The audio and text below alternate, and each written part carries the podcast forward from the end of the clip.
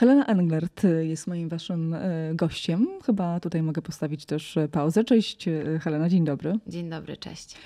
Spotkałyśmy się swego czasu na gali, gdzie odbierałaś nagrodę. Ujęłaś mnie i swoją przemową, za chwilę do, do niej też wrócę, ale ujęłaś mnie swoim głosem. To jest pewnie nie jestem jedyną osobą, która to ci mówi, ale masz tak charakterystyczne i taką, masz taką barwę głosu, że chce się słuchać. Dziękuję. Myślałam, że coś rozwiniesz, ale jest, jesteś skromna czy nie? Nie, nie wydaje mi się. Ale też yy, nie uważam, żeby to było coś złego. To znaczy, wydaje mi się, że na brak skromności. Mm, Oj, mam odsłuch tam i tak okay. usłyszałam to teraz, przepraszam, i się trochę zdekoncentrowałam. Bo to nie chodzi o to, że brak skromności wiąże się z tym, że jestem nie wiadomo jak zadufana w sobie, albo że ktoś, kto mówi otwarcie, że nie jest skromny, uważa się za nie wiem, osobę lepszą na przykład, to po prostu chodzi o to, że skromność jest narzędziem, z którego można bardzo świadomie korzystać, moim zdaniem. Ale wydaje mi się, że zwłaszcza będąc młodą kobietą, fajnie jest mówić właśnie nie, nie jestem skromna, wiem czego chcę i idę po swoje. I to jest chyba ważne, żeby też, jeżeli już y, chociaż nie lubię akurat być w ten sposób rozpatrywana, ale jeżeli ktoś ma na mnie popatrzeć, się na mnie w jakikolwiek sposób wzorować, y, to wolałabym, żeby widział taką młodą babę, która nie jest zakompleksiona i która nie mówi, nie, nie umniejsza swoim dokonaniom, tylko która mówi tak, jestem taka jaka jestem i to jest fajne i to jest ok i nie potrzebuje takiej mm, skromności czy, czy, czy bycia bardziej zamkniętą albo, y, albo nie wiem, mm, która nie boi się mówić tego, co myśli otwarcie, że to jest chyba taki przykład, który jeżeli jakikolwiek przykład mam dawać, to chyba właśnie chciałabym dawać taki. Mhm, to już ci zazdroszczę. Mówię w kontekście zazdroszczę, bo zanim doszłam do takiego wniosku jak ty, to jednak musiało minąć wiele, wiele lat. Nie wiem, czy to wynikało. Pewnie być może z wychowania, że jednak trzeba być bardziej e, skromnym i nie patować swoją osobą. Dziś myślę podobnie e, jak ty, ale różnica między nami jest e, dość spora. A jesteś rozpieszczona? Ojejku. Y Oj, to są trudne pytania, bo są takie, mhm. bo, bo na pewno trochę jestem, chociażby dlatego, że pochodzę z takiego bardzo wygodnego miejsca w społeczeństwie, w którym mm, nie musiałam się martwić o to, czy, y, czy moi rodzice będą zarabiać wystarczająco dużo pieniędzy, czy y, w związku z czym wiąże się z tym jakieś takie poczucie bezpieczeństwa, chociażby finansowe, i ono na pewno do pewnego rozpieszczenia doprowadza. Natomiast to jest trochę też taki case, że sama siebie próbuję sprawdzać, nie? I mhm. właśnie nie doprowadzać, właśnie sprawiać, żeby y, to rozpieszczenie polegało na sprawianiu sobie malutkich przyjemności, a brak skromności wiązał się z pewnością siebie, a nie arogancją. A przekroczyłaś kiedyś tą granicę? I w rozpieszczeniu, i w tym takim, a właśnie, ta cienka granica jest między tak. Y, skromnością a, arogancją, prawda, czy rozpieszczeniem, a, a, a jego brak. Wydaje mi się, że jeszcze nie, Natomiast to jest jakieś niebezpieczeństwo i mam nadzieję, że też tej granicy nie przekroczę. To znaczy, myślę, że każdy, kto odsłucha tego podcastu albo go obejrzy z mojego otoczenia, pomyśli sobie, pff, to na pewno, e, ale też wiadomo, inaczej się zachowujemy, jak jesteśmy z naszymi znajomymi, którym ufamy, wtedy możemy trochę mówić więcej. bardziej wprost i, i, i, wtedy być może sobie pozwalam na jakieś takie bardziej radykalne zwroty. Natomiast y, nie, nie, staram się jednak pilnować w tym wszystkim gdzieś tam mm, takiego, takiej równowagi. Mhm. Pytam o to rozpieszczenie, o tą e, skromność, mhm. bo z mojego punktu widzenia wydaje mi się, że masz e, trochę gorzej niż e, inni. W sensie jesteś z jednej strony masz łatwiej, ale z drugiej strony gorzej w, w kontekście też nazwiska i ludzie bardzo łatwo lubią przypinać pewne łatki osobom, prawda? Patrząc na ich zachowanie, na to, jak otwarcie mówisz o tej skromności, o tym, czy braku skromności, że można ci postrzegać zupełnie inaczej. To przekleństwo, czy jednak nie? Nie wiem, to jest bardzo złożone i też y, dostaję to pytanie bardzo często i mm. bardzo bym się nie chciała powtórzyć. Natomiast no, to jest przywilej, nie? I można z niego po prostu świadomie i mądrze korzystać, bo ja korzystam z niego i to też nie jest nic złego przez samo to, że istnieje, a tym bardziej przez to, że istnieje w przestrzeni publicznej. I to już jest wystarczająco problematyczne dla moich niektórych odbiorców. I to jest okej. Okay. Ja to nie, nie mam takiej potrzeby, żeby być lubiana przez wszystkich i, i tak dalej. Mm, trochę jest tak, że to wszystko przez ten przywilej bardzo łatwo przyszło, ale jestem bardzo też świadoma ulotności tego i być może miałam łatwiej na początku, ale w związku z tym odnoszę takie wrażenie, być może błędne, chociaż wydaje mi się, że nie, że w związku z tym, że to tak szybko wszystko przyszło, zwłaszcza w tym roku, to jest na mnie zwróconych o wiele więcej par oczu niż byłoby, gdyby tego nazwiska nie było. W związku z czym na przykład łapię się na tym, że kontroluję się w miejscach publicznych, na przykład w jaki sposób siedzę w jaki sposób palę papierosy, a palę papierosy. I to już też jest, bywa problemem, nie? To prawda. E, Już i- widziałam też nagłówki gdzieś w różnych artykułach Tak, właśnie, więc z papierosem. Albo, że mam taki napis na kurtce, a nie inny. I sobie myślę, kurczę, no i właśnie teraz tu jest ten case, nie? Że to są takie rzeczy, na które nie wolno narzekać, no bo to jest tak niewielka cena, a z drugiej strony mm, trochę się dziwnie żyje w takim matryksie, matriksie, w którym mam wrażenie, że cały czas jestem obserwowana. I, i to, to jest y, niewygodne, i bardzo miłe jednocześnie. I nie wiem, jak to się wiąże z przywilejem, chyba odpłynęłam trochę za daleko. Natomiast, y, natomiast jakby cieszę się z miejsca, w którym jestem. Postaram się wykorzystać tę możliwość i te szanse, tak jak powiedziałam na początku, mądrze i świadomie i po prostu tego no, nie schrzanić. Ten rok, czy ten ostatni okres należy zde- zdecydowanie do, do ciebie. Byłaś na to przygotowana? Nie, chyba się nie da na Pytanie to właśnie, czy można się przygotować na Nie, nie da się i też nie ma sensu próbować, bo ja próbowałam, a to się zawsze wiąże z budowaniem sobie w głowie jakichś takich wieży, nie? Z papieru, które natychmiast się burzą, bo to nigdy nie jest tak, jak sobie wyobrażasz, że będzie. Więc y, nie da się na to przygotować, to ma swoje super jasne i wspaniałe strony, są też te odrobinę ciemniejsze, mm, ale no taki jest cel chyba, nie? Żeby się wydarzyło to, co się wydarzyło u mnie w życiu przez ostatnie parę miesięcy.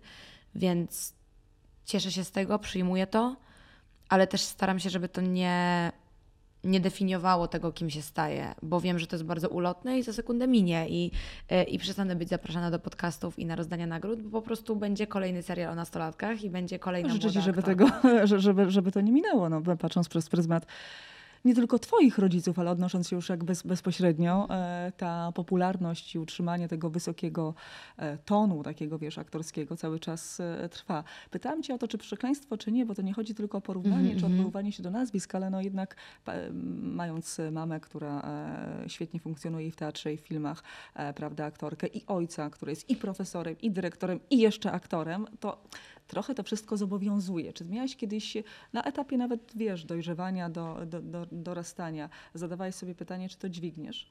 Wiesz co, tak średnio lubię o tym mówić, bo to jest, znaczy, o, nie, nie tylko o tym, o rodzicach generalnie, bo to jest y, prywatne, to jest rodzina.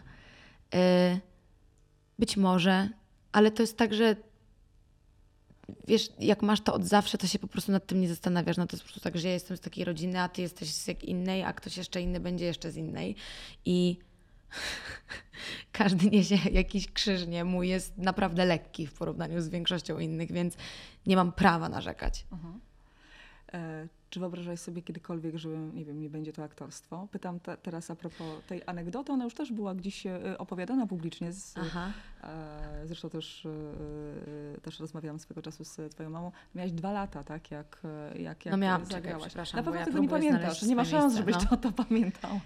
Nie, nie pamiętam tego i też było bardzo wiele pomysłów w międzyczasie. Jednym z nich było projektowanie mody, wszystko było. Szkoła muzyczna była, konie były, wszystko było. Więc ja A to naprawdę... projektowanie mody, e, czy nawet szkoła muzyczna, żeby trochę być No, może no. nawet odciąć się od tego aktorstwa albo nie pójść od Nie, razu, to nie było w nie ogóle był tak. Nie, nie, ja w ogóle y, y, nie należę do osób, które się buntują raczej. I, i, I szczerze mówiąc, byłam takim dzieckiem niemal idealnym pod tym, pod tym kątem. Gdzieś tam się doczytałam w paru miejscach, że ten bunt troszeczkę był mi nadprogramowo przypisywany, a ja na imprezę nie za bardzo chodziłam i w ogóle byłam totalnie nieproblematycznym dzieckiem i w związku z tym ten wybór zawodu innego niż aktorstwo znaczy ten potencjalny wybór zawodu innego niż aktorstwo, on też nie był nigdy y, spowodowany tym, że ja się chciałam, nie wiem, odciąć albo, albo coś w tym rodzaju. Po prostu dorastasz, szukasz swojego miejsca w świecie i chyba czasami tak jest, że musisz spróbować wielu różnych rzeczy, żeby trafić na tę najbardziej oczywistą odpowiedź. A kiedy sobie tak postanowiłaś, albo tak wymyśliłaś tą swoją drogę przyszłą, że będziesz jednak, e, pójdziesz w aktorstwo? To znaczy, ja chciałam spróbować, bo nie wiedziałam, czy to w ogóle wyjdzie, nie? I po prostu zapisałam się do agencji, pojawiła się propozycja y, z, serialu, nie wiem, czy mogę tu z nazwy rzucać, możesz, y, z Barw Szczęścia. I po prostu spróbowałam, nie? I to była taka roczna szkoła życia i, i tam sobie trochę spróbowałam tego Aha. dorosłego życia, mając 15 czy 16 lat. Mówisz, roczna szkoła. e, em, Roczna czy roczna? Roczna szkoła. Roczna, powiedziała, znaczy, bo po prostu ja tam przez rok miałam kontrakt, nie? Więc przez rok tam pracowałam. Y, I to było super, bo ja uważam, że ze względu właśnie na to, że miałam takie fajne dzieciństwo, to y, potrzebowałam tego, żeby w wieku 15 lat pójść na rok do roboty po prostu. A praca w filmie jest bardzo ciężką pracą, y, chociażby fizycznie dla dziecka, gdzie, gdzie zwłaszcza w takim serialu grasz po 13-14 scen dziennie i tam ustawowo możesz mieć 8 godzin pracy, no ale możesz mieć też nadgodziny. Y, znaczy, będąc Niepełnoletnia możesz mieć 8 godzin pracy. Więc ja sobie te 8 godzin pracowałam, plus zazwyczaj po prostu 4 dodatkowe codziennie przez kilka do kilkunastu dni w miesiącu, do tego szkoła, więc ja naprawdę bardzo ciężko pracowałam i to mi było bardzo potrzebne, bo to uczyło dyscypliny, to uczyło yy, po prostu funkcjonowania w świecie dorosłych troszeczkę wcześniej niż, niż być może niektórzy moi rówieśnicy, yy, ale w taki nietraumatyzujący, yy, bardzo konstruktywny sposób i to, to było super doświadczenie. Ale jednak potem sobie zrobiłaś e, przerwę, tak? Dobrze, dobrze. To znaczy, to była taka to nie była przerwa, ja po prostu wyjechałam na studia. Tam jeszcze w międzyczasie jakieś kilka mniejszych, większych rólek w różnych produkcjach serialowych mm, się trafiło. Natomiast tak, no po prostu wyjechałam na studia, no więc nie da się być w dwóch miejscach jednocześnie i ta przerwa tak w sumie sama się wydarzyła. I, i po powrocie no tak naprawdę ja od 2019 do 2021 roku nie byłam na planie e, i zatęskniłam bardzo i, i jak się pojawił ten, ten serial HBO gdzieś tam na horyzoncie, to tak poczułam, że, e, że kurczę, fajnie by było wrócić, fajnie by było, gdyby to się udało i te miesiące tych castingów, ja tak miałam nadzieję, że to wyjdzie. E, A potem jak się okazało, że że jeszcze ta rola Alicji, a nie Pauli, bo byłam wcześniej brana pod uwagę do innej roli, to już w ogóle byłam zachwycona. Także, także Byłaś fajnie. zachwycona, bo tam upatrujesz, widzisz jakiś tam e, taki odnośnik jakiś do siebie, czy nie? Tak, no w ogóle to było tak, pamiętam, że mm, myśmy dostali jakieś tam sceny do przygotowania i ja w ogóle byłam na początku na jeszcze inną rolę i dostaliśmy opisy każdej z postaci tam w tej grupie znajomych. I ja pamiętam, że przeczytałam opis Alicji i sobie pomyślałam, nie no, ktoś się pomylił ewidentnie. W sensie ja raz przeczytam Monikę i to będzie oczywiste, że, to, że, to, że ja nie mogę tej roli zagrać, bo to tak po prostu to nie jestem ja. I przeczytałam Alicję i Paulę i tak sobie myślałam, kurczę, trochę bardziej jestem Alą, ale chciałabym zagrać Paulę i wiem też, że dałabym radę. Mm, Ja bardzo chciałam tę Paulę zagrać w ogóle, bo takie mocne drugie plany są zawsze najfajniejsze dla aktorów, znaczy z mojej perspektywy. I ja też nie sądziłam, że, że dam radę udźwignąć główną rolę, natomiast dla mnie w ogóle Alicja, bo to też tak źle brzmi, kiedy mówię, że, że mnie się wydawało, że ja byłam oczywistym wyborem na Alicję, no bo to brzmi w ogóle fatalnie, no bo nie po to castingują e, ludzie, którzy się na tym Ale znają też przez powiedziałeś, że nie jesteś skromna, więc wszyscy co no tak, ale właśnie to jest arogancja moim zdaniem już Okej. powiedzenie, że no to było oczywiste, że trzeba było brać finale i przez w ogóle po co te castingi przez trzy miesiące, tak nie mogę powiedzieć. Natomiast bardzo się uśmiechnęłam, jak, jak w końcu wpadli na ten pomysł, nie? I miałam takie, okej, dobra, fajnie, no to teraz, Aha. Teraz, jest, teraz się mogę twój czas. pobawić troszeczkę. I Długo taki casting trwał? Jak to wyglądało? no wyjątkowo długo w tym wypadku. To były trzy miesiące, ja tam byłam kilkanaście razy. Yy, grałam ze wszystkimi możliwymi yy, chłopakami i dziewczynami, którzy później wylądowali w obsadzie lub nie. Yy, I to był na pewno najdłuższy proces castingowy, z jakim się zmierzyłam do tej pory w zawodzie, ale też taki, mm, no na pewno uczący cierpliwości. To jest też trudny zawód, bo de facto to zawsze jest taka subiektywna ocena, kto też oczywiście jak e, Mhm. gra, czy pasujesz do tej roli, e, czy nie. Trzeba być mocno, tak mi się wydaje, poukładane w głowie i taką mocną e, pewność siebie, e, żeby, żeby też e, nie obniżać swojej wartości. No trzeba mieć twardy tyłek przede wszystkim. To jest naprawdę chyba jak każdy zawód, bo to ostatnio się tym zastanawiałam i to nie jest tak, że, że, że żeby odnieść sukces w aktorstwie, to trzeba mieć twardy tyłek. To chyba po prostu jest, żeby odnieść sukces, kropka, trzeba mieć twardy tyłek, gdzie też jest chyba ważne, żeby zrobić taki mały prefis, że ja nie uważam, że ten sukces osiągnęłam jeszcze. Mm, Po prostu gdzieś tam została pineska włożona na mapie, że o, jest taka młoda aktorka wschodząca y, Hela Englert, no i teraz jakby świat wie, że ja istnieję i jakby jestem gdzieś tam na mapie tych pracujących młodych aktorów. Natomiast to nie jest jeszcze sukces, przynajmniej ja tego tak nie widzę. Natomiast mówię o tym, żeby powiedzieć, że po prostu no, tak jest skonstruowany świat i mm, to nie jest kwestia tego, czy ja mam na to zgodę, czy nie. To z moich obserwacji przynajmniej tak wynika, że ludzie, których poznałam, którzy są tam, gdzie ja bym chciała być, są albo niezwykle poukładani i bardzo pragmatyczni, albo absolutnie szurnięci. E, Tobie bliżej do, do której z tych grup? Wydaje mi się, że jednak do tej takiej mm, mm, pragmatyczno poukładanej natomiast mam swoje momenty. Okej. Okay. No jesteś też młoda, a wiesz, tak. młodość ma też i, i, i, swoje prawa i to bardzo, e, bardzo duże. Jak ty definiujesz e, sukces? Zastanawiałeś się kiedyś nad tym, o co Jezus. dla słowo sukces, gdzie się widzisz za, nie wiem, 10, e, mm. 10 lat, 5 lat? No gdzieś tam wiadomo, są, są takie miejsca, w których, w których się widzę w moich marzeniach, ale o nich to aż tak głupio mówić na głos, nie? Na pewno chciałabym bardzo dużo pracować bo to mi sprawia największą przyjemność i myślę, że gdybym miała takie zabezpieczenie, wiedząc na przykład na 2-3 lata do przodu, że będę miała gdzieś tam projekty, e, w których wiem, że będę brała udział i, e, i no dla mnie sukces to jest po prostu ciągła praca w zawodzie, bo to jest bardzo nieoczywiste. To też nie jest tak, że, że te propozycje zawsze są i, i że pójście na casting wiąże się z dostaniem tej roli. To jest bardzo długa droga. E, I w związku z tym jest taka niestabilność, którą ja mam jeszcze w moim życiu, że ja nie wiem, co będzie zaraz. Mhm. I ona jest trudna. A jak sobie z tym radzisz? Bo to jest niesamowite. E, znaczy, oczywiście wybierając taki zawód, wiadomo, że ta niestabilność będzie prędzej czy, e, czy później, bo nie można sobie wszystkiego zaplanować. Pytanie, czy ktoś cię wybierze, e, czy nie. No, najważniejsze jest chyba, żeby mieć dookoła siebie ludzi, którzy gdzieś tam głaszczą. Natomiast też jest trochę tak, że teraz na tym rynku zwłaszcza będąc młodą osobą, trzeba sobie samemu trochę tworzyć miejsca pracy. I jeżeli to jest też trochę tak, że jeżeli um, ja nie mam załóżmy hipotetycznie siedmiu projektów ustawionych na następne dwa lata, no to ja już myślę, co ja mogę zrobić z mojej strony, albo żeby to się wydarzyło, albo gdzie jeszcze jest dziura w rynku, w show biznesie, w którą y, y, można by spróbować wpakować swój potencjał. I to nie chodzi o to, żeby dzwonić do ludzi drzwiami i oknami i się prosić, prosić o pracę, tylko myślę, że właśnie ta moda, którą też się trochę bawię, jest bardzo dobrym przykładem tego, że po prostu y, to jest trochę takie mówienie i patrzcie, ja mogę grać, ale mogę też ubierać moje koleżanki na telekamery i, i mogę też zaprojektować naszyjnik, nie? Jakby to... Mm, Czyli gdzieś mimo wszystko szukasz tej stabilizacji. Szukam, taka... potrzebuję jej bardzo. Bardzo, bardzo, bardzo to jest trudne cały czas żyć, żyć w takim, że nawet jak masz projekt i wiesz, że wchodzisz na plan za miesiąc, to nie masz pewności, że na ten plan wejdziesz, mhm. bo y, znam bardzo wiele moich koleżanek, które po prostu dostały na przykład dwa dni przed zdjęciami telefon, że przepraszamy, jednak pani dziękujemy, nie? I to jest y, bardzo trudne, bo to bardzo ciężko jest sobie poukładać życie, zaplanować. Y, to jest tak, że ja mam w tym tygodniu zaplanowane dwa tygodnie wakacji, ale jeżeli jutro bym dostała telefon, że jest film, no to nie ma tych wakacji. I to nie jest najważniejsza rzecz w życiu, żeby jechać na wakacje, ale to jest takie poczucie, że w każdej chwili możecie się usunąć grunt po prostu spod nóg. Mhm. I mimo to, że młodość i spontaniczność i tak dalej, no to ja jednak mam bardzo dużą potrzebę tego, żeby mieć ten grafik gdzieś tam w miarę zaplanowany. Lubię to, że każdy dzień wygląda inaczej i że nie ma rutyny, ale chciałabym mieć to zabezpieczenie, że, ta, że, że wiedzieć, że ta praca po prostu będzie i nie sądziłam, że to będzie dla mnie aż tak problematyczne, a jest.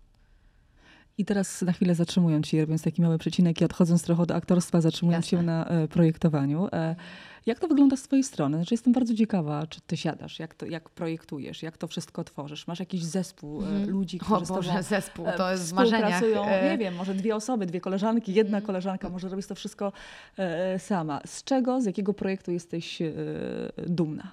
Mm, przede wszystkim razem z moją wspólniczką, tak o niej mówię, ale to jest przede wszystkim moja przyjaciółka Magda Sekrecka, która jest odpowiedzialna za kostiumy do pokusy i tak się też poznałyśmy.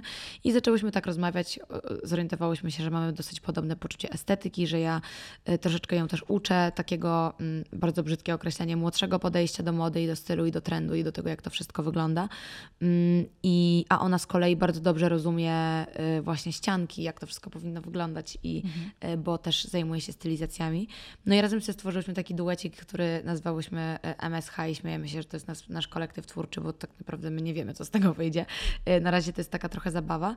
No i mm, naszym takim, wydaje mi się, sztandarowym projektem na ten moment jest moja stylizacja na y, premierę Bring Back Alice, która jest w 100% moim projektem i jestem z tego bardzo dumna, bo to jest super mieć taką sprawczość, której nie mam w aktorstwie, nie? że wchodzę na plan i to jest trochę moja postać, ale też trochę postać reżysera, trochę postać producenta, a ponieważ jestem kontrol freakiem, to, to jest czasami problem dla mnie, mm, żeby się tym podzielić, y, bo to jest jednak te postaci, one są gdzieś tam blisko serduszka zawsze. I, a tutaj jest tak, że ja mam stuprocentową sprawczość w tej modzie i lubię to, potrzebuję tego. To jest kolejny element tej stabilizacji, który jest mi bardzo potrzebny.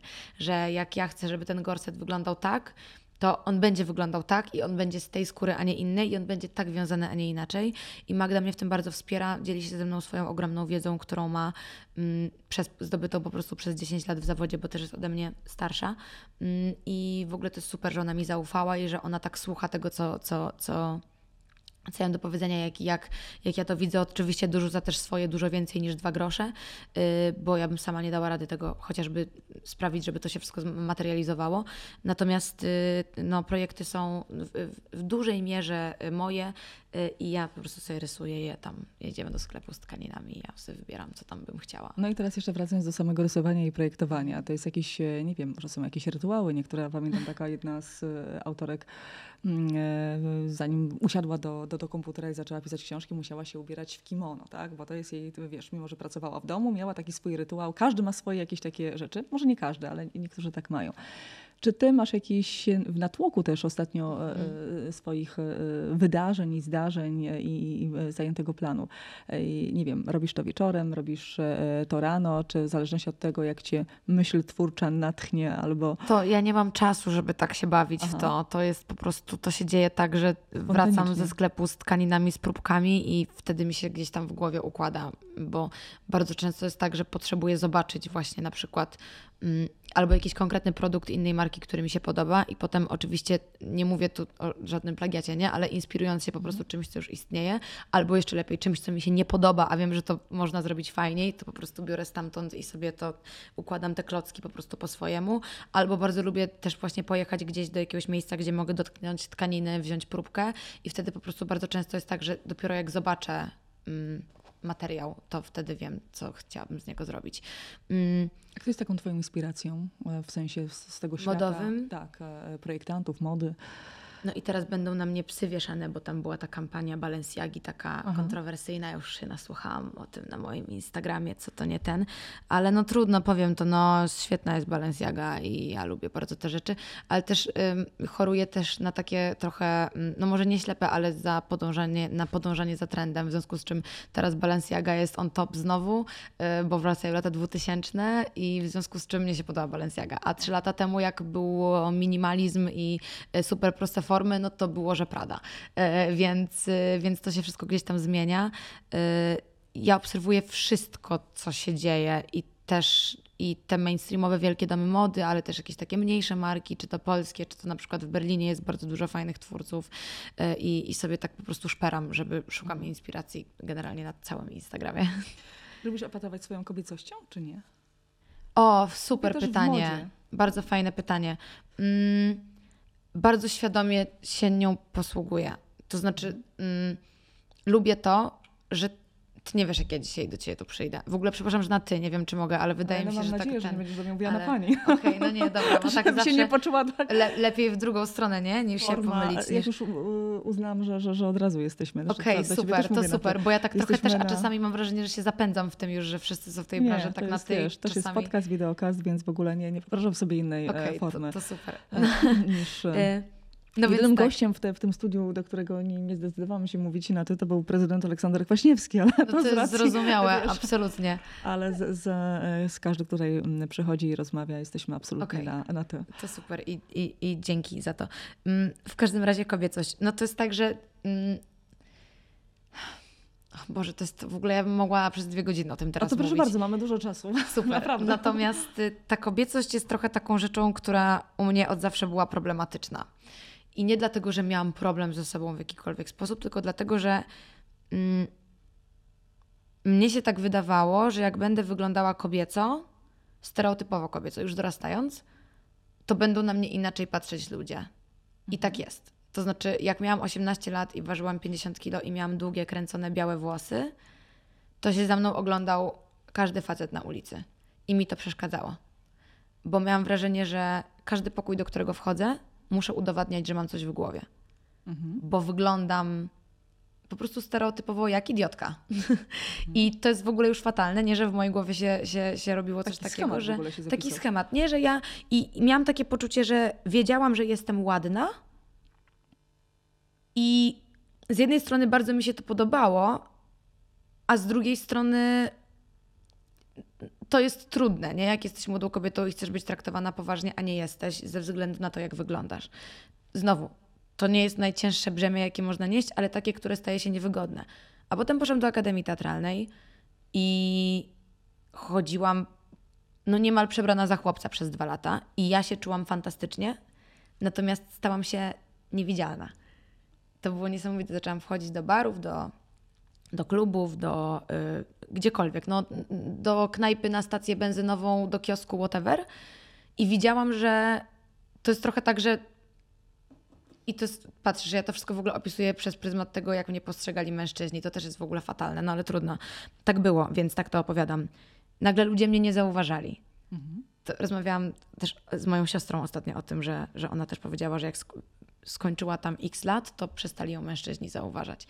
Ja postanowiłam troszeczkę się tym bawić i lubię to, że ta moja moda jest nieprzewidywalna i że ty nie wiesz, czy ja przyjdę w garniturze do ciebie dzisiaj tutaj, czy ja przyjdę w lateksie, czy ja przyjdę w jeansach i w t-shircie, bo to są takie małe rzeczy, które sprawiają, że ja sobie tej kobiecości używam tak, jakbym chciała. I dla wielu kobiet to jest decyzja pod tytułem, czy ja mam dzisiaj ochotę założyć sukienkę, czy ja mam dzisiaj ochotę założyć spodnie, bo na przykład będę jechała na rowerze i jak założę sukienkę, to będzie mi niewygodnie. U mnie to jest bardzo świadoma decyzja tak, związana z tym, jak bardzo kobieco ja się chcę danego dnia poczuć. Bo uważam, że mam w sobie jakiś tam pierwiastek, który jest męski. Ja sama nie wiem, co to znaczy, po prostu czuję, że takie, znaczy jakby jestem cis kobietą, określam się jako cis kobieta i tak dalej. Natomiast ym, bardzo lubię też tę męską stronę. Mhm. Uwielbiam ją i czuję się najwygodniej y, prywatnie, po prostu w wielkich męskich ciuchach. Mm, nie cierpię, jak ktoś mi zwraca uwagę na to, na przykład, że właśnie kupuję w męskich y, jakby sklepach. Uwielbiam nosić w ogóle też męską bieliznę, dlatego że y, jest wygodna. I teraz też jest taka moda, nie? że się nosi spodnie z niskim stanem i fajnie jak wystają majtki po prostu nad nimi i no po prostu męskie kelwiny fajniej wyglądają niż damskie kelwiny. I nie wiem, może dla niektórych mm, to jest dziwne, albo mm, u mnie to się nie wiąże jakby z odkrywaniem mojej tożsamości, jeżeli chodzi o płeć, y, tylko po prostu y, ja lubię to, to jest moim zdaniem to jest coś, czym się można bawić i ja się tym po prostu bawię.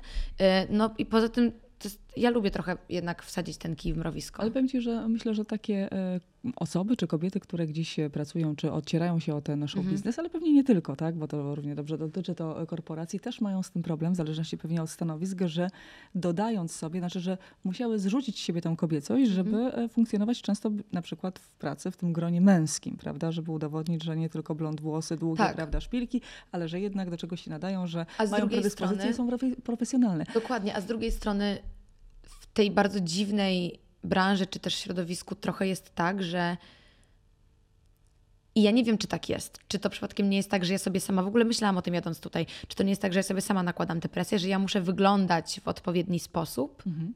żeby być zatrudniana. Że ja muszę być świadoma swojego ciała, bo moje ciało jest moim narzędziem. Moja kobiecość, która mm, gdzie u mnie do takiej hiperkobiecości jest bardzo blisko. Wiem, mam tego świadomość, zakładając na siebie różne ubrania, czy też poruszając się w konkretny sposób, mm, że to jest y, część mojego warunku fizycznego i ja muszę umieć świadomie z niego korzystać. Mhm. A z drugiej strony jest jeszcze właśnie ta cała super nieodkryta męska część mojej ekspresji, którą ja po prostu uwielbiam się bawić. I po prostu już wiem, że to, co mówię teraz jest tak kontrowersyjne i może też tak fatalnie zrozumiane, no ale dobra, trudno, już wszystko nie, to nie, że wiesz, jak ktoś wysłucha całości i tak dalej, to na pewno wie, tak. absolutnie y, zrozumiałem tylko pewne, pewnie fragmentu.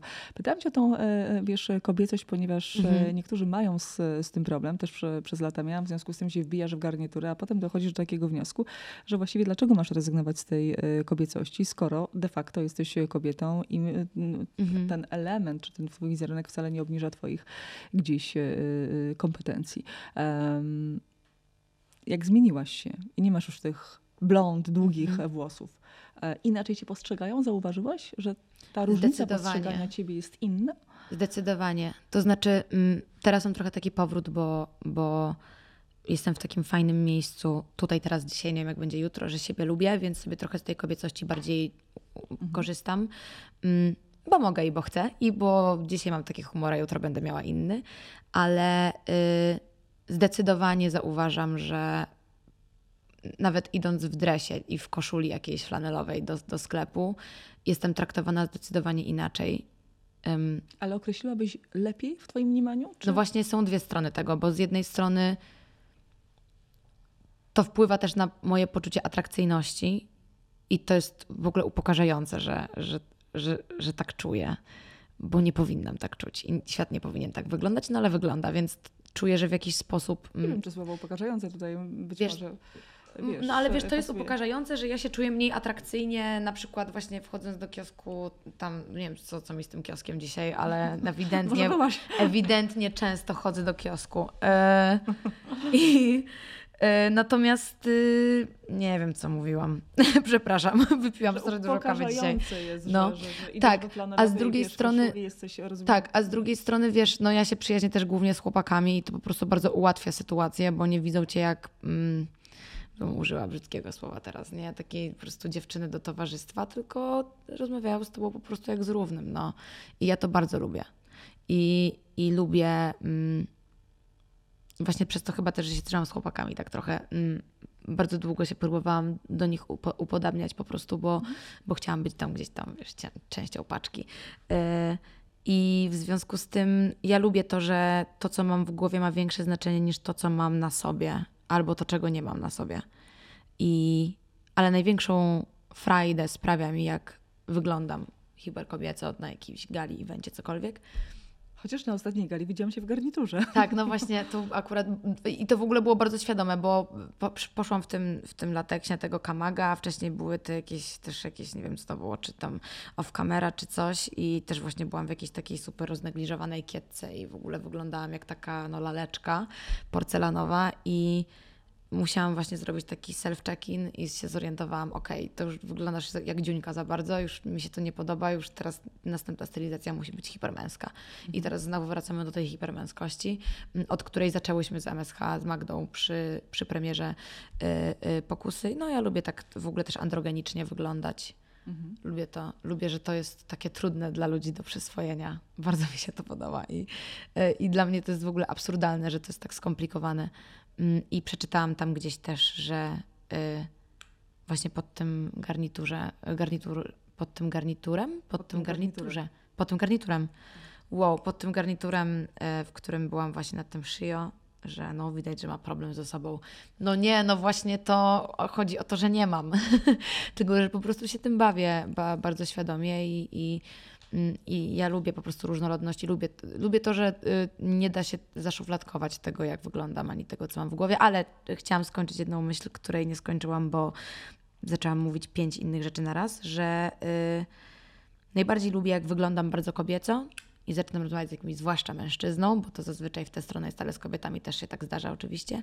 Mm, I widzę, że po dwóch, trzech minutach rozmowy on lub ona, już ta osoba mnie zaczyna traktować zupełnie inaczej, że musi się wyprostować, mój rozmówca, bo widzi, że po prostu nie gada z, z idiotką, Z laleczką. z laleczką, no. Mimo to, że tak wyglądam i to jest super. słownictwa. Tylko wiesz, to jest teraz po prostu case taki, czy ja danego dnia mam ochotę się przez te dwie, trzy, trzy minuty przebijać, nie? Czy ja po prostu nie wolę od razu być w garniaku. To pytanie już wielokrotnie padło, ale też chciałabym Ci je e, zadać. Może nam się też otworzy jakieś nowe pole jeszcze do dyskusji e, a propos pokusy i a propos też, e, wiesz, e, kobiecości. E, No i właśnie. Pokusa jest zagranie takich, e, takiej roli, a jednocześnie e, pytanie, czy e, nie wiem, miałaś gdzieś z tyłu głowy a propos hejtu, a propos spojrzenia na ciebie z tej strony. Pytam o to, ponieważ znam też historię różnych aktorek, ciut starszych, tak, które mierzą się z tym, czy wchodzić w pewnego rodzaju rolę, czy, czy nie wchodzić. Rozumiem, że miałaś taki problem, czy nie? Czy to była taka Miałam, automatyczna oczywiście. decyzja? Oczywiście, to nie była automatyczna decyzja, to była taka decyzja, mm, którą nie sądziłam, że podejmę, a potem sobie pomyślałam, a co tam? I to zrobiłam, też to było dla mnie ważne wtedy, żeby samej sobie udowodnić, że ja jestem w stanie to zrobić. Bo czułam, że dam radę. To też jest trudne, nie? Rozebrać się przed kamerą i, i to jeszcze, gdzie ja wtedy bardzo nie lubiłam siebie. I to też warto zaznaczyć, to nie chodziło o to, że ja sobie zrobiłam jakąś terapię przed kamerą, absolutnie nie, bo to nie od tego jest aktorstwo, tylko po prostu poczułam, że jestem w takim miejscu, w którym to jest jakiś taki krok w drodze do dorastania, który ja mogę wykonać tak, żeby sobie nie zrobić krzywdy a jednocześnie też taki, który bardzo wiele u mnie zmieni. Mm, A jeżeli chodzi o hejt, to ja po prostu wiedziałam, że on będzie, więc go nie czytałam i tyle. Nie czytasz hejtu? Nie, nie. A jak czytam, to się śmieję i screenuję i wrzucam na close friends na Instagrama. Okej. Ale nie było takiej sytuacji? Pytam teraz tak e, szczerze. Były, ale teraz. one mnie nie dotknęły. To znaczy, wiesz, no, być może to się odbija na, na propozycjach pracy, których nie dostaję, tylko ja tego nie wiem, bo ich nie dostaję. Mm, I być może to jest tak, że gdybym tego nie zrobiła, to bym teraz grała w następnym filmie w jakimś festiwalowym, a nie gram. I to też jest okej, Mm, bo to są takie konsekwencje, których ja się najbardziej bałam. A z drugiej strony, wiesz, no, jestem młoda, chcę pracować, chcę zdobywać doświadczenie i to trochę była taka decyzja, czy ja chcę następne pół roku spędzić siedząc na tyłku na kanapie, czy ja chcę pracować i zdobywać doświadczenie w zawodzie. No to, to, to jest taka decyzja, która dla mnie była oczywista w tamtym momencie. I grając odważną rolę. Tak. No nie, ona właśnie nie jest odważna. Halo, nie, właśnie stop, bo to jest po prostu kolejna rola. To jest, jak każda rola jest jakimś wyzwaniem. O wiele większą odwagę, moim zdaniem, na o wiele większą odwagę musiałam się zdobyć, wchodząc na plan sześciodcinkowego y, serialu, w którym jestem niemal cały czas na ekranie i to było 100 dni zdjęciowych i ja przez 100 dni zdjęciowych miałam zapalenie krytani, nie? Okej, I wróć. to było o wiele bardziej odważne. Ja mówię do siebie, wróć. Okej. Okej. Wróć w kontekście takim, że jak mówisz, nie była to najważniejsza, czy, czy, czy jakby trudna rola. Odważna. odważna. To to, konkretne słowo, które zawsze pada, bo to jest odwaga, żeby się rozebrać. Do cholery, to jest tylko ciało. To jest jedyna rzecz, którą bez- bezdyskusyjnie, że zawsze się znajdzie ktoś, kto to podda pod wą- wątpliwość, natomiast to jest naprawdę jedyna rzecz, która łączy wszystkich ludzi. Mamy ciało. Możemy się z nim utożsamiać, możemy się z nim nie utożsamiać, możemy je lubić, możemy go nie lubić, ale wszyscy Prawda? je mamy. Ale z drugiej strony jest to jedyna rzecz, która e, też stanowi o naszej, wiesz, prywatności, tak? No nie zawsze. e, No ja uważam, że to, co mam w głowie jest o wiele bardziej prywatne niż to, co mam tutaj. Okej. Przynajmniej, znaczy ja tak mam. I są rzeczy, których ja nigdy ci nie powiem na głos. Ani tobie, ani nikomu innemu. Bo one bolą. A, a ciało nie boli. I może to jest fajny moment taki, wydaje mi się, w, w cywilizacji i rozwoju, żeby zdjąć je z piedestału, bo to już nie jest tak, że, że, że kobieta nie może odsłonić kostek, nie? Y, Czy, Na szczęście mam to ze sobą już. no właśnie, czy, czy że właśnie trzeba budować ten taki mit tego takiego. Mm, tego, tej świętej Marii, panny dziewicy, która po prostu jest y, nieskalana i nieskalane, nie, niepokalane poczęcie i w ogóle y, to wszystko jest takie czyste i tak dalej. No nie, no ciało jest jak plastelina, ja mogę, mogę go dotknąć, ktoś inny też go może dotknąć, jeżeli ja oczywiście na to wyrażę zgodę i ono jest też moim narzędziem pracy. No aktor, aktorka pracuje też ciałem, niezależnie od tego, czy je pokazuje, czy nie. Ale wracając do samej decyzji, do momentu podjęcia decyzji, bo sama się zastanawiałaś, czy wchodzić w tą rolę, e, czy nie, wybrałaś taką. E, z perspektywy czasu, trochę, co uważasz, że wyniosłaś z tego? Co ci to dało? Doświadczenie? Szczerze mówiąc, najważniejszą rzeczą, którą wyniosłam z tego filmu, jest moja relacja właśnie z Magdą. Bo to jest jedna z ważniejszych osób w moim życiu teraz. I, yy, i chociażby po to to było super doświadczenie. Mm, poza tym, wiesz, no, nowy, nowy reżyser, nowa reżyserka, yy, doświadczenie nowe. E, A propos kobiet e, w filmie, swego czasu była szeroka dyskusja. Ona się przetaczała przez różne kraje. Mhm. E, traktowania kobiet w filmie, szczególnie z tym e, absolutnie to jakby ciebie nie dotyczy, bo, e, bo, bo jesteś e, młoda, ale im kobieta ma więcej lat, tym też staje się jakby taka dla reżysera trochę przezroczysta i, i nie ma dla nich odpowiednich ról dla kobiet. O to mówi, o to walczy całe Hollywood i właściwie ten apel niezmiennie cały czas trwa. Nie boisz się tego, że w pewnym momencie dojdziesz do jakiejś takiej ściany i powiesz, i co dalej?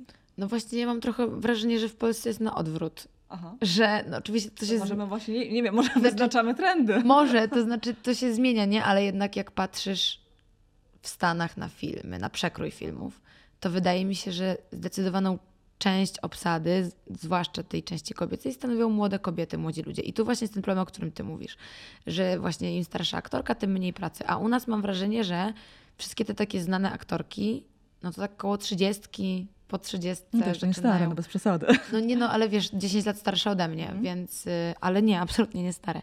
Mm, No a z wejściem platform na rynek to trochę się zmienia, jest dużo więcej miejsc pracy dla młodych ludzi. Ja jestem akurat z tego powodu bardzo zadowolona. Mm, Nie myślę o tym jeszcze.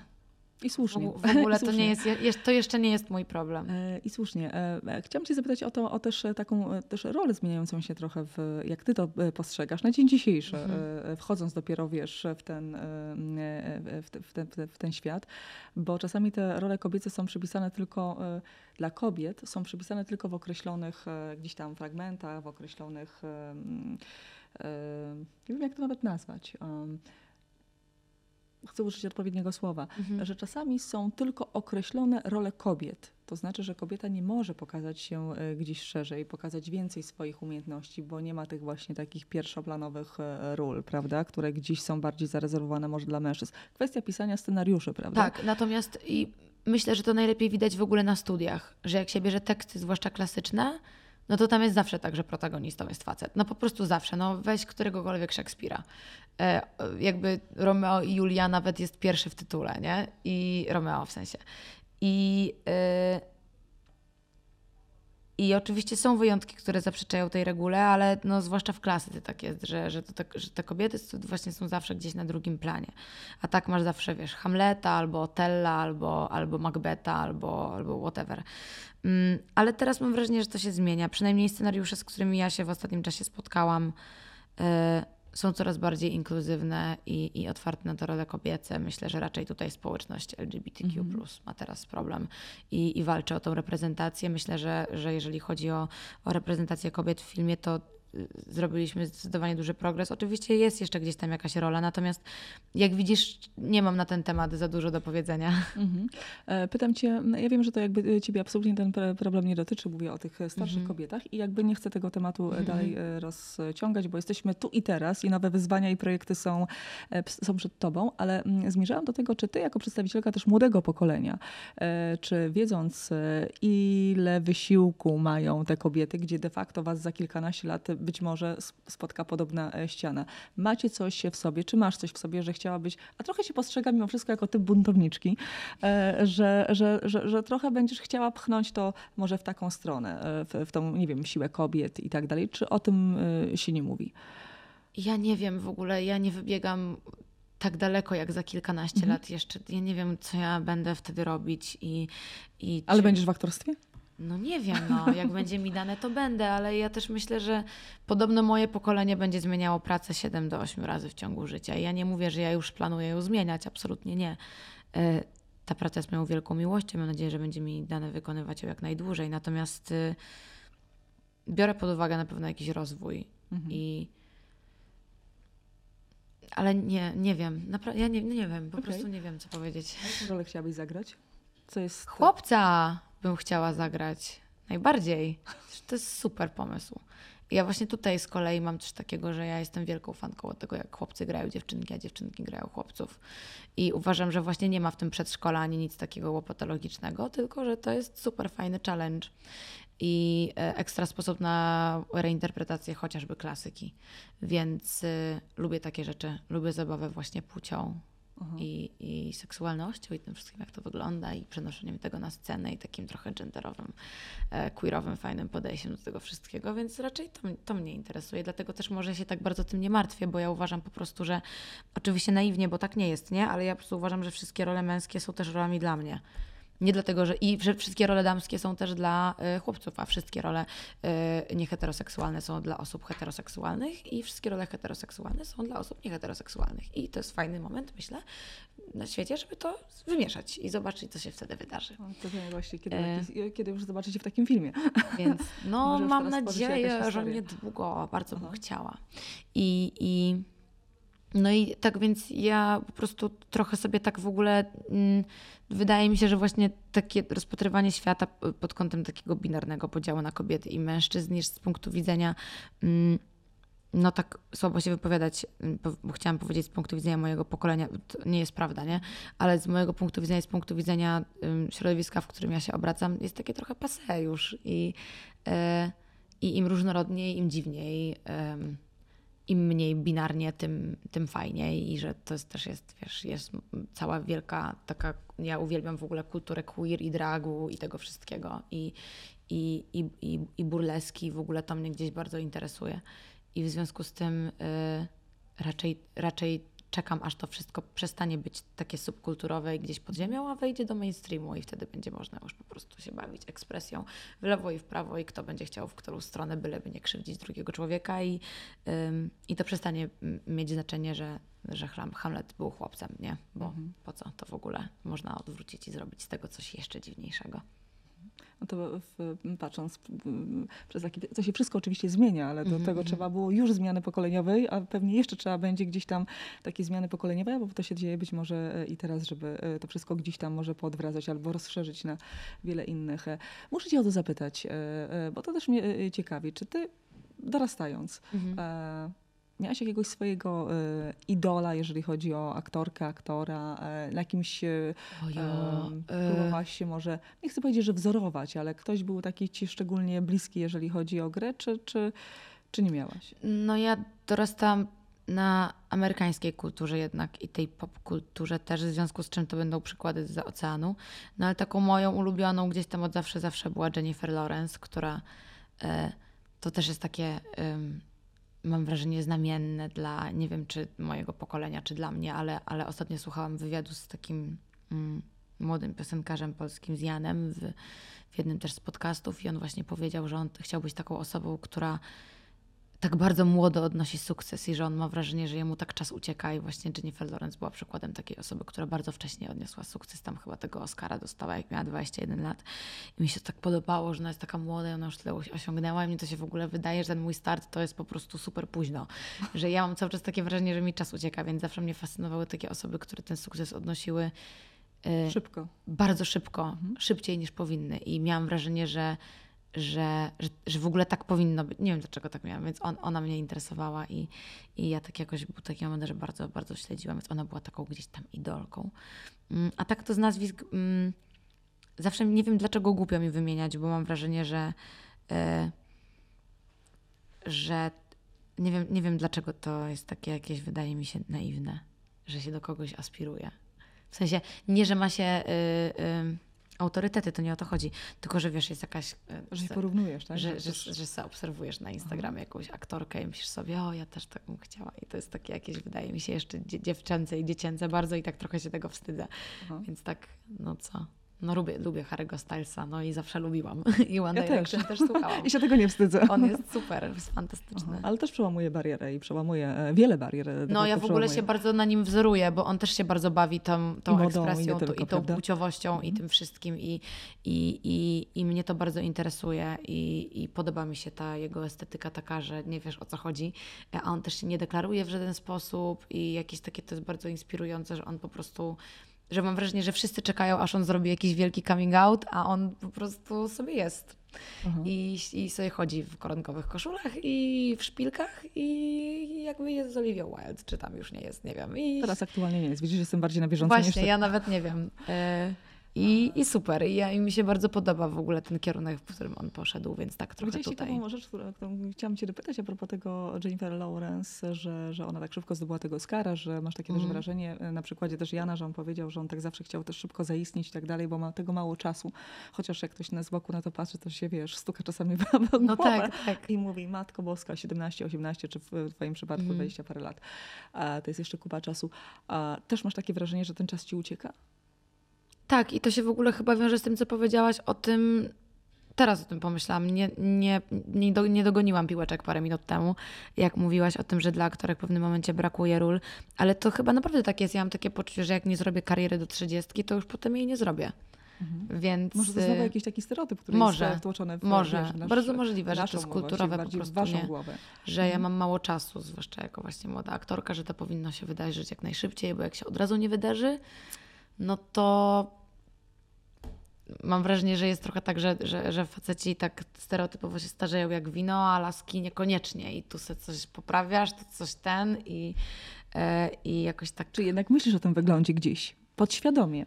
Myślę, ale to yy, już jak tak zaczepiłam o te ingerencje, to pewnie będę to za parę lat odszczekiwać. Natomiast nie. Ja, wszystko jest dla ludzi, nie dla mnie, ale jak ktoś chce, to super. Ale nie dla mnie. Ja mhm. Nie mogę się doczekać, aż będę miała zmarszczki. Naprawdę. Bardzo jestem ciekawa, ja właśnie jak będę wyglądać, jak to się zmieni, co mi to zrobi z moją samooceną, mm, jak ja będę do tego podchodzić. To jest dla mnie w ogóle ten proces starzenia się e, jest bardzo dla mnie interesujący i tak mm, chciałabym tak to zrobić. Tak się teraz bardzo brzydko mówi z godnością, tak jakby poprawianie sobie czegoś miało ujmować godności, albo nie poprawianie miało cokolwiek odejmować. Ja w ogóle nie czaję takiego oceniania, to jest w ogóle niepotrzebne. E, ale, ale myślę, że... Zmarszki dla mnie to jest e, też takie doświadczenie i taka gdzieś ta na, na, na twarzy rysuje mm. się zupełnie inaczej inny tak. wyraz i taka też trochę nawet i mądrość bym powiedziała wychodzi e, Może i tak, tego doświadczenia. Ale też ja się obracam, obracam, bo tak Ale ty pracujesz twarzą, więc ta tak. mimika musi być dosyć sprawna, prawda? W sensie. To prawda. Natomiast bardzo bym nie chciała, żeby właśnie tak zaingerować w nią tak, żeby to zmieniło moją ekspresję, bo, bo wydaje mi się, że tutaj się wydaje y, najwięcej takich. Że ja po prostu widzę no, to na ekranie i nie wierzę automatycznie y, tej osobie jak widzę, że, że coś tam zostało zmienione. Ale to jest może moje jakieś dziwne skrzywienie.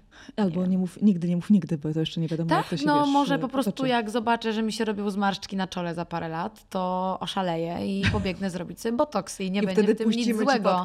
Tak, i, i mi wtedy wyciągną Hela. ludzie, że a, mówiłaś, że tego nie zrobisz, a teraz robisz. No dobra, ale ja nie odpowiadam za to, co będę myślała za pięć lat. Teraz myślę tak. Uh-huh. I tak sobie mogę deklarować i zobaczymy, co się wydarzy później. Masz więcej y, kolegów czy koleżanek? Kolegów, zdecydowanie. Mhm. Tak nie po drodze z koleżankami? Czy to jest kwestia innej mm. tematyki, innych zainteresowań? E, z czego to wynika? W moim doświadczeniu, i teraz trochę będę operowała stereotypami na potrzeby jakby opowiedzenia o własnym doświadczeniu, ale to też tak słabo jest mówić. Faceci są w moim doświadczeniu trochę bardziej konkretni po prostu mhm. i fajniej się komunikują to znaczy ze mną w każdym razie, a też no, chłopcy, którymi ja się otaczam, nie są najlepszą reprezentacją, no bo są jednak studenci Akademii Teatralnej, w związku z czym oni są wszyscy albo queerowi, albo po prostu mm, i tak operują bardzo taką szeroką ekspresją, bo po prostu pracują w tym zawodzie, a nie w innym. Y więc nie mają problemu właśnie z komunikowaniem swoich emocji i tak dalej, z taką, taką współczesną męskością, która totalnie odbiega od typu typ, typa macho i tak dalej. To w ogóle nie jest, nie wiem kto to wymyślił, ale to jest tak nieinteresujące, niesamowite to jest. No nieważne. Chciałam się zapytać, czy lubisz typ macho, ale już mi odpowiedziałaś nie, na no, to fatalne pytanie. to jest po prostu, jak ja widzę takiego byczka z postawionym kołnierzykiem, to sobie myślę, Jezu, idź do domu i się przebierz, bo to przecież straszne jest. Nie, nie, no w ogóle mnie to nie ani mnie to nie podnieca, ani mnie to nie interesuje. I może to jest tak, że ja teraz stereotypizuję i, i wiesz, i może to jest jakiś super inteligentny facet, nie? I może I ma w głowie, wiesz, hegla. Wkładasz go, wiesz, ale, do szuflady. Ale może ja go teraz wkładam do szuflady zupełnie bez sensu. Natomiast y, no, wydaje mi się jednak, że akurat w tym wypadku, chociaż nie wiem, może to też jest krzywdzące, teraz mówię i nie powinnam tak mówić. Mm, natomiast nie wiem, no ja mam super kolegów, oni są bardzo wrażliwi. Też byłam w ogóle, tu ciekawostka, przez, w podstawówce przez dwa lata z chłopakami sama w klasie, 11 i tam chyba po prostu tak Sama w klasie? Tak, ja byłam jedną dziewczyną w klasie, no i tak mnie chyba to zahartowało po prostu, żeby mm, się z chłopakami fajniej dogadywać. A co ciekawe, jak oni cię odbierali wtedy? No jedyna dziewczyna. No fatalnie, zamykali mi plecak w kiblu i Czyli to był taki wiesz, koński podryw. Tak, tak, a potem i albo wyrzucali mi go przez okno. No w ogóle masakra była, a potem robili ze mną y, bransoletki z muliny. Ale jak, jak, Także... jak to się wydarzyło, że, że byłaś jedyną e, dziewczyną w, w, klasie? Nie wiem, to była jakaś klasa o specjalnym profilu? Czy, e, nie, to nie była klasa o specjalnym profilu. Tak się ułożyło? Po prostu, to tak brzmi y, y, śmiesznie akurat w tym wypadku ten specjalny profil. Natomiast y, zabawnie w sensie. Nie, nie, to po prostu było tak, że tam w czwartej klasie y, były roszady, zmiany nauczycieli mhm. i z takiej bardzo dużej klasy y, u nas zawsze było w klasie więcej chłopców niż dziewczynek. Tak, i po prostu. Tak naturalnie. 50% klasy odeszło, bo rodzice tam się zdenerwowali, że, że wiesz, no jak masz cztery zmiany wychowawcy w ciągu roku, i, i no to to jest słabe. I po prostu bardzo wiele rodziców zabrało dzieciaki z tej szkoły. I jak przyszliśmy po prostu na nowy rok, to się okazało, że wiesz, z klasy, która miała 25 osób, zrobiła się klasa, która nagle miała 10, a że dziewczynek było 6, a chłopców tam było, nie wiem, 18. Tak odeszło 5 dziewczynek i 5 chłopców. No to ja zostałam jedną dziewczynką, a chłopców zostało 10. I to po prostu gdzieś tam tak się samo wydarzyło. Albo nie wiem, może po prostu nikt mnie nie lubił. E... może żadna dziewczynka ich. Może żadna dziewczynka mnie nie lubiła i po prostu wszystkie powiedziały swoim rodzicom, że nie chcą być ze mną w klasie. Może też tak było, ja o tym nie wiem, jeśli tak było, to mega słabo dziewczyny. E, ale, ale tak wyszło i jakoś tak to mnie chyba zahartowało, żeby się z chłopakami lepiej, lepiej dogadywać i może stąd się w ogóle biorą te takie moje dziwne, różne A miałaś kiedyś takie, jeszcze patrząc przez pryzmat twojego, wiesz, patrząc na twoje dzieciństwo, miałaś w ogóle jakieś takie odczucie, czasami dzieciaki dawały ci takie e, odczucie, że na przykład, a, bo jesteś e, córką znanych aktorów, albo gdzieś tam dokuczały, czy miałaś z tym luz? Nie, miałam z tym zdecydowany luz, ale też tutaj warto na pewno zaznaczyć, że jednak um, wychowałam się w takiej warszawskiej bańce y, dzieciaków, które y, w, w dosyć specyficznych szkołach, w których to nie miało znaczenia, bo każdy miał rodziców, którzy są kimś, nie? Jak nie aktorami, to y, po prostu zajmują jakieś y, wysokie stanowisko, nie wiem, w jakimś banku, albo są prawnikami, albo lekarzami, albo coś. Więc bardzo często się okazywało, że ci rodzice po prostu się znali z jakichś różnych mm. miejsc w tej takiej jakiejś warszawskiej przestrzeni i to ani nie było nic dziwnego, ani nie było niczym interesującym za bardzo dla nikogo. I tak w sumie nigdy się z tym nie, nie, nie spotkałam. A wyszłaś kiedyś z tej takiej warszawskiej bańki, że zderzyłaś się z takim światem, którego wcześniej e, e, nie widziałaś? Czy tak ci się potoczyło e, na razie to życie, że, że, że nie, nie miałaś takiego doświadczenia? Wiesz, no to jeździ się po świecie, nie? I się, znaczy jeździ no, się. Ja miałam ten przywilej, że jeździłam po świecie i widziałam różne miejsca i różnych ludzi mm, o różnym natężeniu przywileju lub jego braku. I to też jest bardzo takie... Mm, sprowadzające na ziemię, nie? Jak, jak, jak widzisz po prostu, jak ci jest dobrze i że po prostu nie masz prawa narzekać, bo, bo, bo masz wszystko i to jest super w ogóle i jestem za to bardzo wdzięczna i tak dalej. Tak jak powiedziałam, postaram się to jak najmądrzej i jak najbardziej świadomie wykorzystać. Natomiast jestem z Warszawy, wychowałam się w Warszawie. Mm, w Nowym Jorku też byłam na uniwersytecie, do którego dostaje się tam jakiś x niewielki procent, procent osób, które zdają, więc jednak miałam możliwość przebywania bardzo tu jakby stronie od używania słowa elitarne, ale no samo się ciśnie na usta w takich instytucjach, które gdzieś tam mm, do których nie ma, och Boże, to jest takie okropne, co mówię teraz, ale no nie mogę od tego uciec niestety i to jest strasznie, kurcze, trudne, mm, bo tak próbuję mówić o tym e, tak e, nie wywyższając się, ale mam wrażenie, że mam jakiś potworny problem z doborem słów, a bardzo bym nie chciała być źle zrozumiana. Na pewno nie widziałam takiego brudu i takiego ciężaru mm z jakim spotyka się mm, człowiek, który jest chociażby, mówiąc już w kontekście Polski, spoza tej warszawskiej bańki, mm, bo po prostu dorastałam w innym otoczeniu. I ono, wiadomo, warunkuje to, z jakimi problemami się mierzysz i, e, i tak dalej. E, no ja i tu kropka z... chyba. Mhm. Wychodzę po prostu. z takiego założenia, że oczywiście nie mam wpływu, w jakiej rodzinie się mhm. rodzimy i tak dalej, ale każdy każdy ma też pewnie swoje problemy, z którymi też musi się e, mierzyć bez względu na to też w jakim otoczeniu jest i trochę jakby nie wartościując kto, gdzie, jak mhm. i czy lepiej, czy gorzej. Chciałabyś wrócić do Stanów? Na wakacje. nie, no chciałabym, chciałabym, yy, ale nie wiem jeszcze. Yy, Akurat o wakacje nie pytam. Pytam w formie, wiesz, zawodowej. Pytanie, co tam zauważyłaś, mhm. jak wygląda tam świat, na ile tamten świat, w którym funkcjonowałaś ci się, e, nie pytam cię, e, bo takie pytania już też wielokrotnie mhm. padały, że byłaś w Stanach, wróciłaś e, do Polski, a dlaczego i tak dalej. Myślę, że wszyscy, którzy oglądają podcast z tobą też doskonale wiedzą. Natomiast pytanie, co tam było takiego, czy, co, czy w ogóle coś w tamtym świecie, tym amerykańskim, bo wiesz, że w Polsce istnieje dalej ten amerykański sen i, i chciałoby no się robić karierę. to nie jest prawda przede wszystkim. Karierę za granicą. jak amerykański sen i to jest jedno wielkie kłamstwo. E, I o tym się można bardzo szybko przekonać. Tam jednak fundamentalnie ich kultura a właściwie ta wielokulturowość funkcjonuje zupełnie inaczej niż nasza. Jest zupełnie inna wrażliwość, ona jest wpisana i w język, i w wychowanie, i w kulturę, i w świadomość, i, mm, i nawet w sposób operowania słowem. Nie? Jednak to jest tak, że mówi się, że to jest kultura indywidualistyczna, ale też w taki sposób, że jak się nawet z kimś kłócisz, znaczy w ogóle nie kłócisz się tam z nikim, bo tam u wszystkich wszystko jest wiecznie po prostu wspaniale i dobrze, nie? A u nas z kolei jest wiecznie wszystko u wszystkich źle, no i w ogóle jakby nie ma... E, Środka. To jest trochę tak, że jak jesteś za długo, gdzie byś nie była na świecie, to sobie zobaczysz, że są fajne strony tego miejsca i są niefajne strony tego miejsca. Nie wiem, czy bym była w stanie na dłuższą metę funkcjonować w tamtej kulturze, mm, bo jednak w tej dorastałam. I ja nie umiem tego tak wyspecyfikować i powiedzieć, wypunktować ci teraz i powiedzieć, że to mi się podoba w Polsce, a tamto mi się nie podoba w Stanach. Albo w Stanach jest lepiej, bo ABC, a w Polsce jest gorzej, bo DEF. I nie umiem tak zrobić. Po prostu nie odnalazłam się tam wtedy, Być może teraz byłoby inaczej, mm, bo już mam jakąś świadomość właśnie tego, co mi się tam podoba, co mi się tam nie podoba. Myślę, że to nie jest koniec mojej przygody ze Stanami. Mhm. Ale nie wiem jeszcze kiedy, jak, gdzie. Mhm. Tak sobie na razie patrzę, co się wydarzy. A rozpoczniesz przygodę z teatrem, czy to.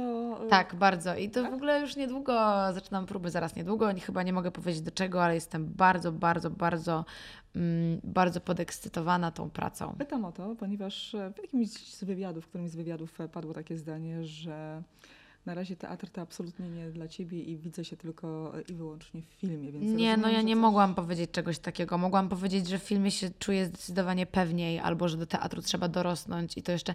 Bo to jest tak, że ja teatru. Mm, bo teatr to już jest taka sztuka przez duże S. Bo nie każdy, ale moim zdaniem już bardziej w tę stronę zdecydowanie.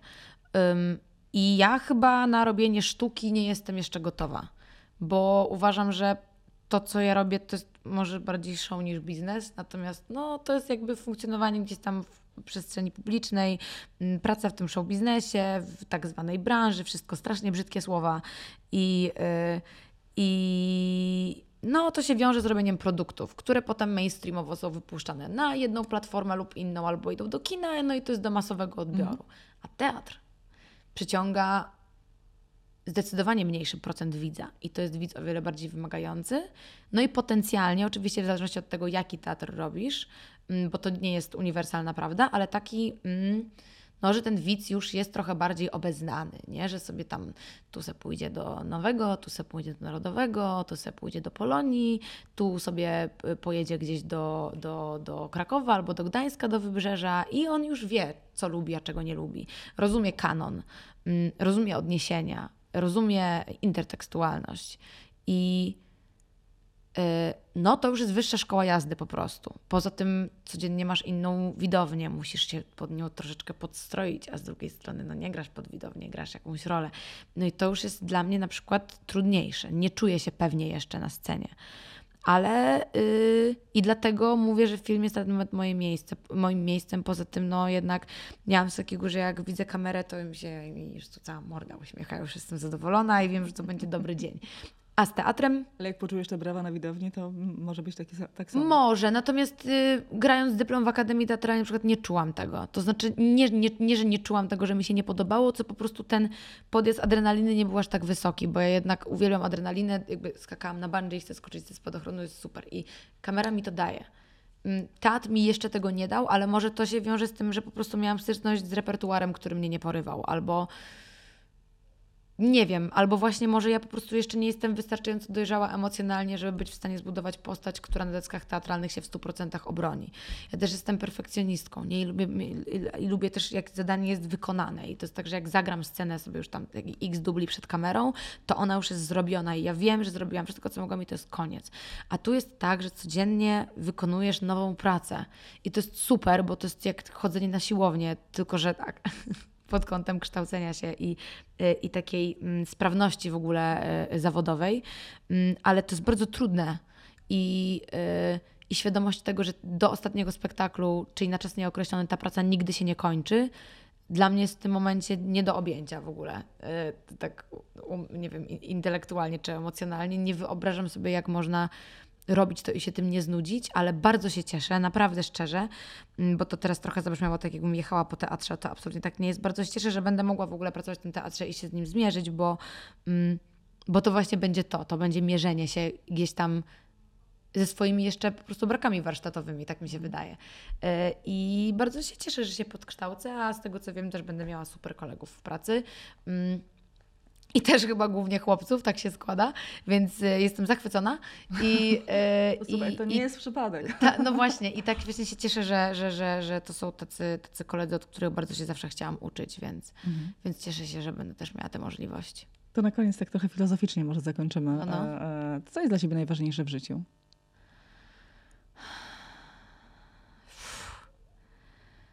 Mm, Kurczę. Nie chciałaś o rodzinie rozmawiać. Chciałam zapytać cię, jakie wartości e, A, to mi w ogóle akurat nie przyszło nie, do głowy nie? teraz. Nie, bo to jakby, no nie, właśnie to, to nie jest niestety... to samo pytanie, absolutnie. Tak, to tak. Nie, nie, można tego zostawić właśnie, jednocześnie, Właśnie, właśnie. Y filozoficznie co jest dla mnie najważniejsze? Kurczę, bo to też jest trochę tak, że mam wrażenie, że jak to powiem, to to zostanie tak jakoś dziwnie odebrane. Mm. ale naprawdę praca. Mhm. I to nie jest y, ani grzecznościowe, ani takie, wiesz, desperackie. Może trochę jest desperackie, ale praca y, to taka ciągłość, o której mówię, sta stabilizacja, y, ale przede wszystkim po prostu praca, praca, praca i dążenie gdzieś tam do tego takiego nieuchwytnego sukcesu, bo ja cierpię na wydaje mi się, że to jest trochę taka choroba osób ambitnych, nie? że zawsze jak osiągasz ten cel, który sobie wyznaczyłaś, to, to, to nawet nie, nie ma nawet sekundy, w której to jest spełniające, tylko po prostu już widzisz, że 10 kroków dalej leży jakaś kolejna możliwość, bo otwierają się kolejne y, różne drzwi, no i w które wejść, a w które nie wejść i jak tu wyżej, dalej, więcej. Ja po prostu, mój kolega mi to kiedyś powiedział na jakiejś imprezie, że Hela połknęła tabletkę z napisem świat, nie?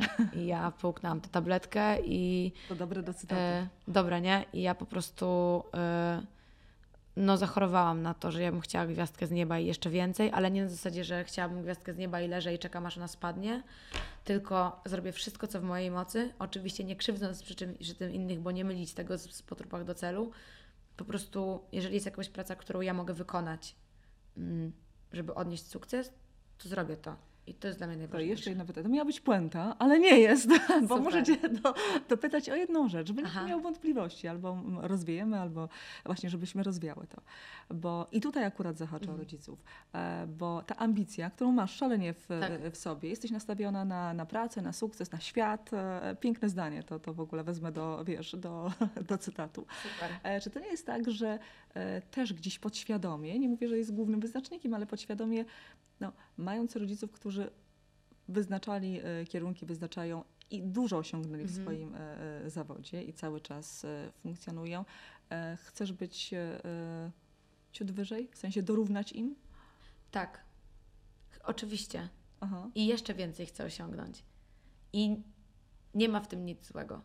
Uważam, że to jest wartość, bo to znaczy, że nie osiądę na laurach nigdy, bo super trudno jest prześcignąć to, co osiągnął mój tata e, w tym kraju. E, więc jeżeli uda mi się to zrobić, to jest też tak, że mm, zawsze będzie ktoś, kto powie, że to się nie uda nigdy albo że to się nie udało, ale jeżeli ja poczuję, że jestem w miejscu, w którym osiągnęłam bardzo dużo i sobie spojrzę ten mój dorobek artystyczny, czy jakikolwiek on by nie był za 10, 15, 20 lat i dojdę do wniosku, że wykorzystałam swój potencjał w 100%, w każdym momencie przez te x lat, to będę z siebie zadowolona. Mm, najbardziej się właśnie boję tego, że, że stracę werwę, że stracę zapał, że, że właśnie pomyślę sobie, że to jest właśnie niemożliwe, żeby, żeby tak wiele osiągnąć jak oni. A to też nie jest tak, że ja mierzę się ich miarą, absolutnie nie. Że to mhm. nie jest też tak, że jak mój, e, mój stary był rektorem Akademii Teatralnej, to ja teraz też chcę być rektorem Akademii Teatralnej. Nie, w ogóle to nie idzie w tę stronę.